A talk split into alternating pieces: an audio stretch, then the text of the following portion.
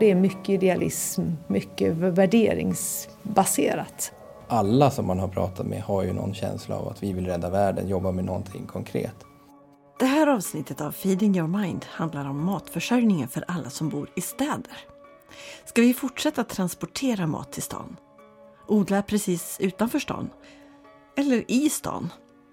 Det här är frågor till SLU-forskare om en liten stund apropå det nya projektet Mat och stad. Men vi börjar i ett sådär 10 kvadratmeter stort trädgårdsland på Södermalm i Stockholm. Sallat. Jättenoga att det heter sallat när man odlar den, men sallad när den hamnar i skålen. Jaså? Aha. Titta, där är en liten humla som är i, i en pion. Vi står bland odlingslotterna utanför ett flerbostadshus i en södersluttning ner mot Årstaviken. Här över passerar flygplan på låg höjd på väg till Bromma flygplats. Man hör bullret från biltrafiken över Skanstullsbron och rakt fram i synfältet ligger Globen som en gigantisk golfboll. Men sänker man blicken hamnar man i en täckodling bland kryddor och örter. Rucola, lök, rabarber, kål och andra grönsaker i upphöjda odlingsbäddar i ett sådär 10 kvadratmeter stort trädgårdsland. Att producera mer mat i städerna där allt fler av oss bor. Är det kanske ett viktigt delsvar på frågan hur vi på ett hållbart sätt skaffar framtidens mat? Är detta rädisor kanske? Eller? När det är rädisor ska vi peta upp en och se. Ja, nej, nej, nej ja. du, det här är inte rädisor, det här är kålrabbi va? Så den får man nog inte röra än, den är inte riktigt färdig.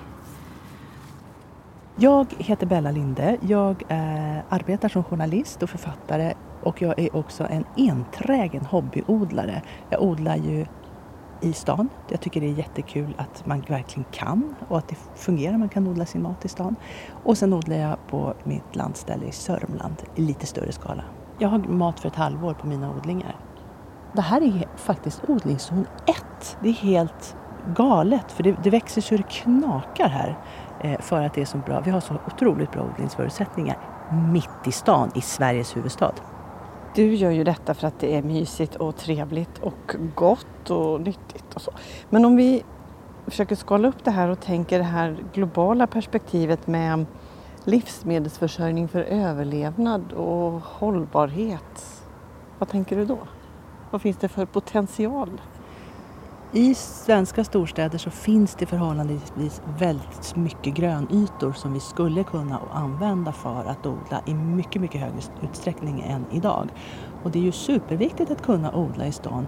Dels för den här närheten, att man kan gå ut och, och ordna sin mathållning. Då slipper man transporterna eh, och man slipper eh, man vet att man får ekologiskt odlad mat för att man odlar den själv.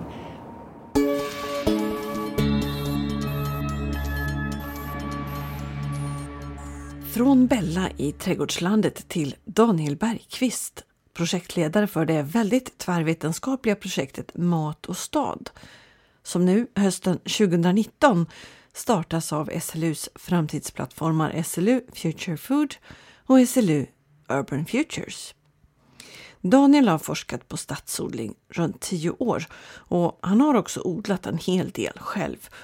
Så han vet att det inte alltid är så lätt. Och jag ville ha liksom egen erfarenhet av att ha testat det som jag faktiskt forskar på. Då är det betydligt lättare att ställa rätt frågor när man träffar forskare och, och stadsbönder.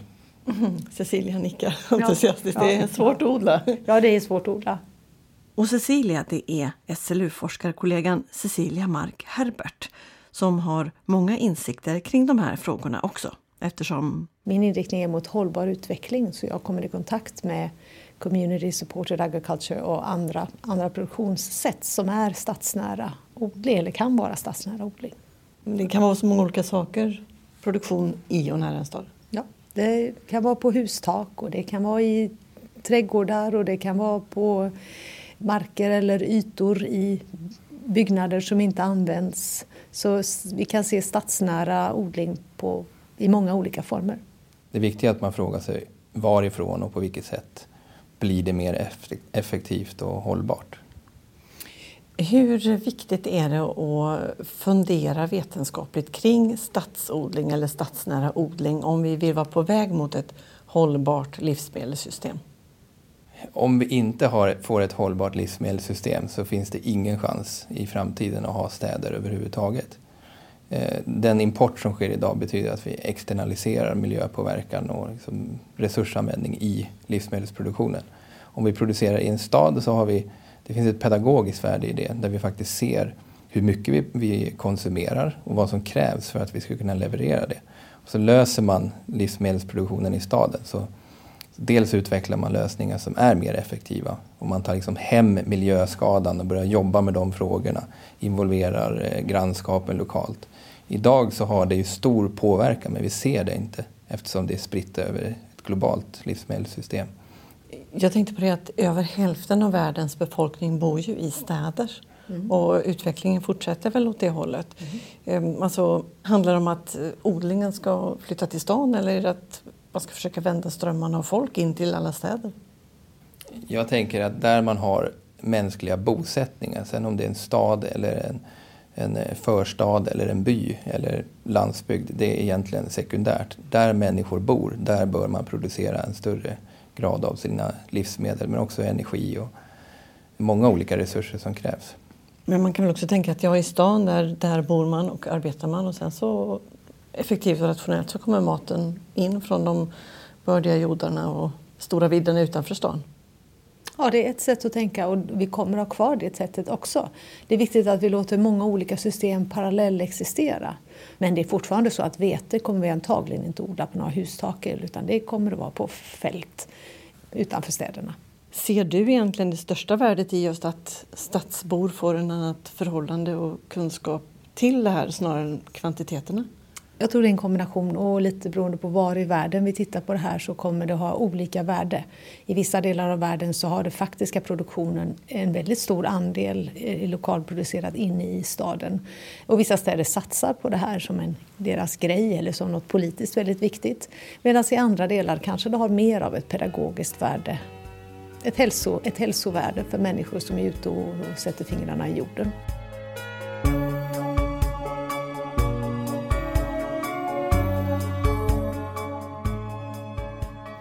Jag läste Naturskyddsföreningen, en rapport från dem eh, som handlade om stadsodling söder om Sahara i stora städer där och i Göteborg. Och eh, om inte tidigare så då förstår man ju väldigt att det är så helt olika behov, förutsättningar, kvantiteter. Allt är olika var vi befinner oss i världen när vi pratar om det här. Mm. Det, det, är egentligen det perspektiv som gör att jag tycker det är spännande med städer som integrerar livsmedelsproduktion. För om du tänker på vad växter behöver för att leva så är det ungefär samma yttre förhållanden som människor. Vi behöver ljus och värme året om. Och i en stad så producerar vi ljus och värme året om men eh, vi utnyttjar inte all yta maximalt. Så vi har ju en tanke när vi har pratat med forskare på SLU just att man kan använda stadsbyggnaden, de strukturer som vi ändå bygger för, som mänskliga livsmiljöer så I dem så finns det mellanrum som är underutnyttjade idag och där skulle vi kunna producera livsmedel eftersom vi ändå har eh, året runt produktionsförhållanden eh, egentligen. Och det här med att det finns ytor i stan som är underutnyttjade, det ser man ju först när man själva börjar odla. Mm. Då kanske du ser en halvskuggig hörna som ingen annan eh, använder som en resurs helt plötsligt. Men sen, sen ska man ju också komma ihåg att det livsmedelssystem vi har idag som försörjer städer med mat genom import, det är i, i botten mycket ohållbart. Och det är inte bara klimatpåverkan utan vi var inne på det tidigare med varför inte transportera in alla livsmedel till staden? Jo, det bygger ju på att vi har ett billigt sätt att transportera eh, material kors och tvärs över hela världen. Mm. Fossila bränslen är skadliga för klimatet men det är också en ändlig resurs som vi måste snåla med. Och fler och fler börjar upptäcka det och stadsodlingen är ett sätt att börja ta sig an det utifrån någonting väldigt konkret.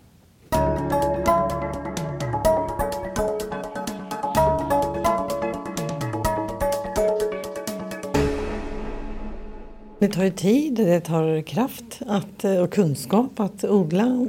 Vill stadsbor odla? Om man ska utgå ifrån Sverige så är viljan stor och den växer.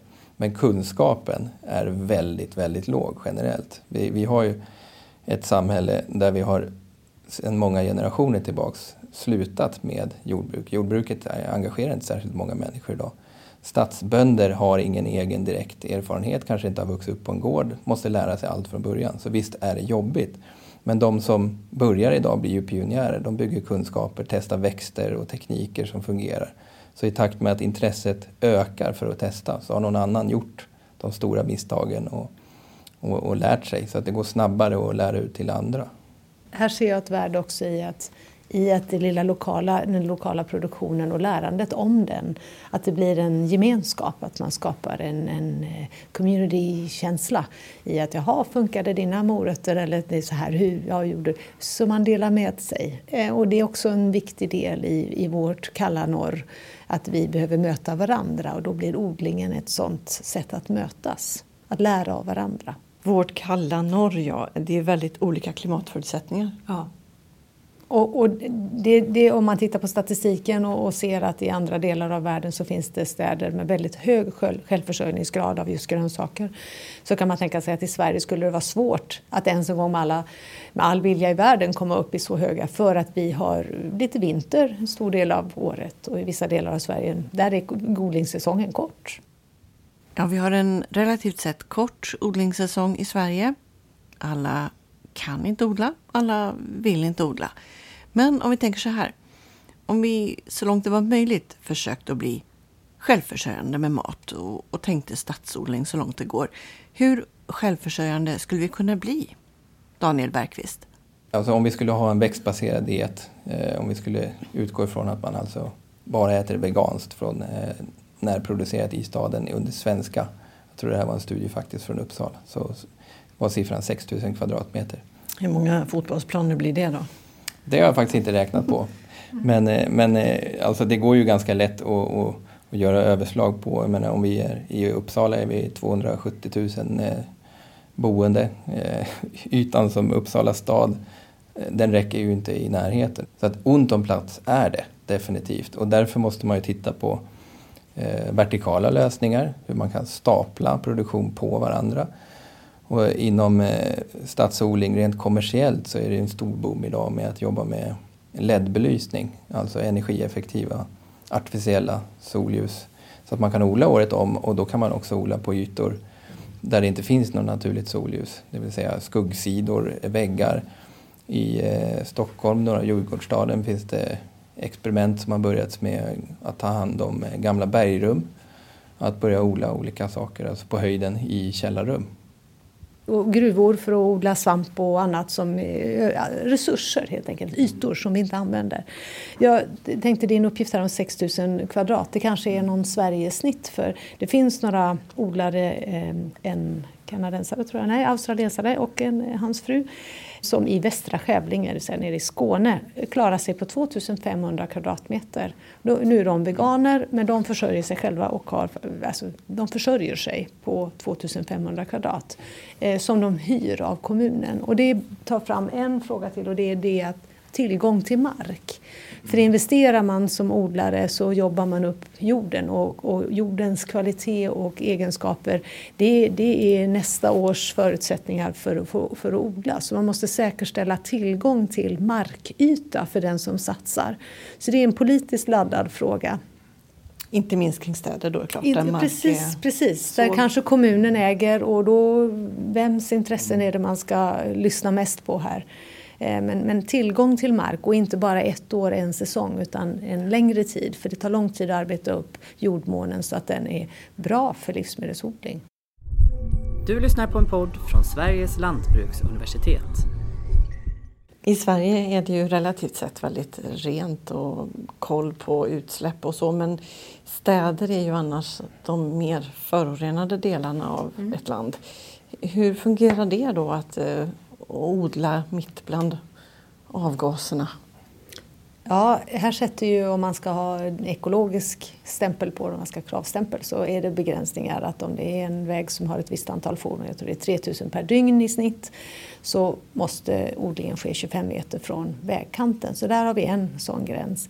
Men om vi inte bara pratar mat utan pratar växtlighet inne i städerna så har ju det en fantastisk effekt av, av, av, livskvalitet i största allmänhet. Så även om man inte kan skörda maten så eh, får vi en temperatursänkning, vi får, eh, vi får en massa livskvalitet, alltså sänker partik, partiklarna i luften och det är en massa bra saker med att odla och ha gröna kilar inne i städerna.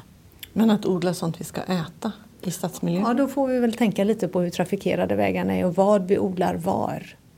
Jag tror du måste tänka ur ett, ett lite längre tidsperspektiv också.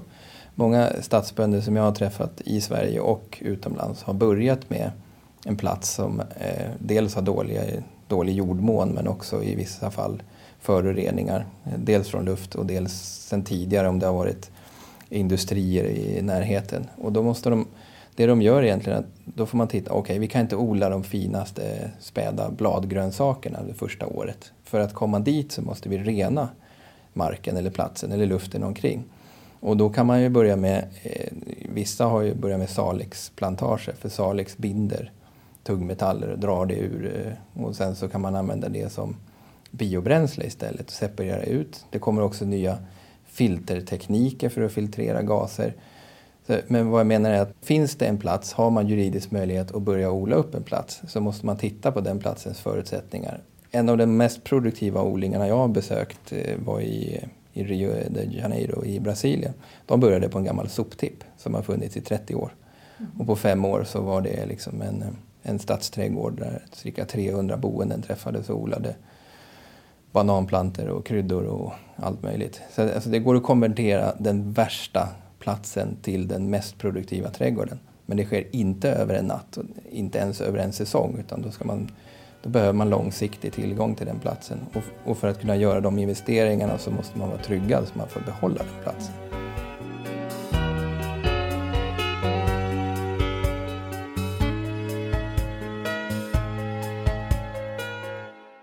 Intresset för lokal mat är också intressant. för jag vet studier som eh, en annan forskargrupp på SLU har gjort här har intervjuat människor som hävdar att de konsumerar lokal mat och frågat efter deras definitioner. Mm. Då kommer ju bland, bland annat frågan om man har sommar, en sommarstuga 40 mil bort, odlar sin mat där, tar hem den. Är den lokal mm. producerad eller inte? Mm. Eh, men alltså, jag tycker inte att det är så viktigt att säga huruvida är den lokal, är den stadsproducerad eller inte. Men just det, det vi måste experimentera, testa nya lösningar. Vissa saker som sker idag tror jag är återvändsgränder medans, men man måste ta den vägen för att veta vilka lösningar som fungerar. Vad skulle kunna vara en sån här återvändsgränd då? Nu behövs det definitivt mera forskning på det. Men eh, jag, jag, är ursprungligen systemekolog och tittar på hur ekosystem hanterar energiflöden i produktion. Och för mig så känns det det är en stor boom inom eh, LED-driven eh, livsmedelsproduktion som jag säger. Men vad man gör då i princip är att man tar elektricitet som är en av de finaste, högsta formerna av energi som civilisationen har idag. Och så tar du den för att driva en LED-lampa, det vill säga driva fotosyntes som är den mest basala produktiva aktivitet som finns hos växterna. Du tar alltså en högkvalitativ energiform för att driva en lågkvalitativ process. Jag tror och hoppas att det kommer mer forskning på energibalansen. Det är tekniskt sett möjligt att göra väldigt mycket i staden idag. Men i vissa fall så kan high-tech-lösningar faktiskt vara mer energislukande än det konventionella lantbruket som vi har idag. Det vet vi inte. Men, men det är ett framtidsområde för forskning och faktiskt ta reda på vad går in i produktionen och vad får vi ut och vad är kvoten så att säga och så jämföra det med de konventionella produktionssätt som vi har idag. Det är frågetecken, men jag är övertygad om att det finns massor med återvändsgränder men också vägar framåt som vi inte heller känner till idag för vi inte har ställt oss de frågorna än. Hur mycket handlar det här om innovationer? Innovationer som finns, innovationer som ännu inte finns. Alltså hur innovationsberoende är den här utvecklingen mot hållbar stadsodling som vi pratar om? Jag skulle säga att det är inte bara innovation, tekniska innovationer som vi hemskt gärna tänker på i termer av ett nytt sätt att göra någonting eller en ny gröda, av något slag. Det handlar också om, om de administrativa och de systeminnovationerna där vi har en förståelse för, där vi tänker på ett helt system, där vi utvecklar här, kanske Karma-appen kan vara ett exempel här, där vi utvecklar en, en komponent som bygger ihop någon som behöver något med någon som har någonting. Och Karma-appen som Cecilia Mark Herbert nämnde här, det är alltså en app som kopplar ihop dig som konsument med restauranger, kaféer och matbutiker som valt att för halva priset sälja ut bra mat som annars kommer att bli över och behöva slängas. Eh, den sortens innovationer behöver vi mer utav. Sociala innovationer? Så kan man också se det. Ja. Systeminnovationer som tänker på helheten, inte bara på en teknisk komponent i en produktion. Men håller du med Daniel här om, om faran att, så att säga, bygga in sig i väldigt kanske energikrävande high-tech-system för att göra någonting som man tänker skulle vara väldigt hållbart? Det kan hända att vi behöver, precis som Daniel sa, att ta vissa vägar för att testa går de en bit ut och så utvärderar vi dem och funderar, är det här bra eller inte bra? Vi har inte börja storskaligt, vi börjar småskaligt och tittar på hur fungerar det här. Och så backar vi om vi känner att det här inte funkar, för det kan hända att det inte är bra vid en tidpunkt, men i en annan kontext, vid en annan tidpunkt, så är det precis den här kunskapen vi behöver. Så det är väldigt viktigt att vi dokumenterar våra erfarenheter och utvärderar dem, inte, inte definitivt utan lite kontinuerligt. Så att den som behöver den här kunskapen i ett senare läge kan använda den till de behoven som de har då. Men, men ska man tänka så här många bäckar små, det, det är för fint och bra om jag har lite basilika och gräslök, det kan jag ju inte överleva på men jag har det i alla fall. Eller ska man, ja. Jo, men jag tror man ska tänka så och det var ju så Grekland tänkte när de var i en ekonomisk finansiell kris. Man delade ut eh, fröpaket och sa till människor att de skulle odla Eh, kryddor på sina balkonger och det handlar inte om att de blev mätta på det utan det handlar mer om en slags trygghet i att de kunde vara med i en produktion, att de hade en resurs. Ehm, och, och, och hushållande, en känsla för hur vi använder det vi antingen köper eller producerar själva. Att äta upp på tallriken är kanske det absolut viktigaste den viktigaste frågan. För gör vi det så använder vi ju resurserna så effektivt vi kan när vi har nått det stadiet. Jag tror att trenden kommer bli tydligare. Alltså, idag så börjar den med någon slags känsla, intresse för livsmedelsfrågor av mer och mer människor som bor i städerna. Och så har vi fler och fler som testar på och därigenom får erfarenhet av vad det faktiskt innebär men också börjar ifrågasätta det livsmedelssystem som vi har idag. Vi var inne på det tidigare, men ska, räcker det med att man odlar lite kryddor och basilika? Det gör det inte om vi vill försörja mänskligheten med livsmedel. Men det gör det för att så ett frö i, till tankarna till en stor systemförändring. Så jag tror att det kommer halta några år till där folk gör misstag, testar stöter och blöter idéer och sen så växer egentligen acceptansen till radikal systemförändring. Och när tillräckligt många är mogna för den, då tror jag vi kommer se en ordentlig tillväxt i urban livsmedelsproduktion på många olika sätt. Och det kanske bidrar till ett mer robust samhälle? Ja, alternativet det brukar jag tänka mycket på på fritiden men eh, det är ju ganska dystert. Så, men forskningen har otroligt mycket eh, spännande lösningar som fler och fler medborgare också börjar ta tag i och testa i praktiken. Så att, eh, det är väldigt dubbelt när det gäller framtidsbilden. Antingen så planerar vi oss ur den här krisen eller så kommer vi få ha stora samhällsstörningar och sen återuppbygga samhället. Eh, så jag tror att slutmålet är kanske lika, men vägen dit skiljer sig åt beroende på huruvida vi använder den kunskap som finns eller inte. Idag sitter planerare i Sveriges kommuner på olika avdelningar och planerar olika saker och brottas med stora globala problem. Livsmedelsproduktionen är liksom en länk till att lösa många av stadens och samhällets utmaningar men då måste den också formellt hanteras som en strategisk planeringsfråga. Och att den inte gör det, är det ett utslag av att vi har tagit den lite mycket för given då? Det är det definitivt, men alltså, det är ju de senaste decennierna så har vi dragit nytta av ett globalt handelssystem där vi importerar det vi behöver när vi behöver. Eh, att vi behöver förändringen idag, det är ju mycket mer för att vi blir mer och mer krismedvetna och omvärlden ser ut som den gör. Man börjar också oroa sig för självförsörjningsgraden i händelse av en kris. Det är ju en stor diskussion om det, just kris, förberedelse för samhällskriser på olika sätt. Och då börjar man se att livsmedel är en central fråga. Det är inte så att det inte har varit ett problem tidigare, men det blir viktigare och mera bråttom att lösa. Men man kan tänka sig att i nödtider så kan man ju plöja upp såväl stadsparker som sin egen trädgård och odla potatis och göra allt vad man kan.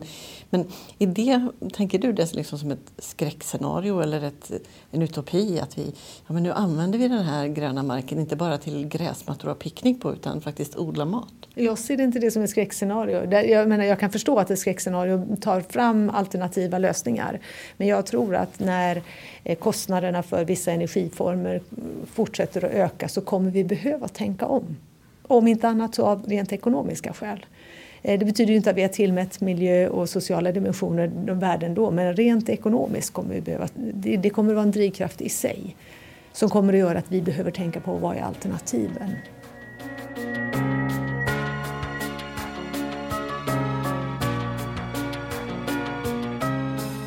Sa SLU-forskaren Cecilia Mark Herbert och tidigare hörde du Daniel Bergqvist, projektledare för Mat och stad.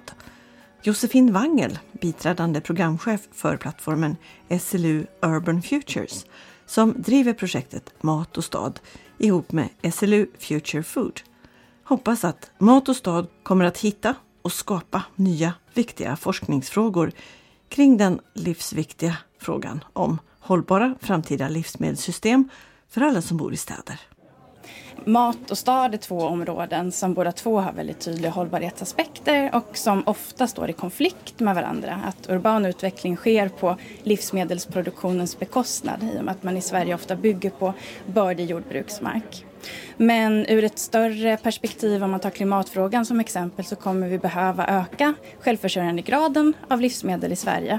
Och den bör ske nära där folk bor för att vi inte ska behöva förlita oss på långväga transporter.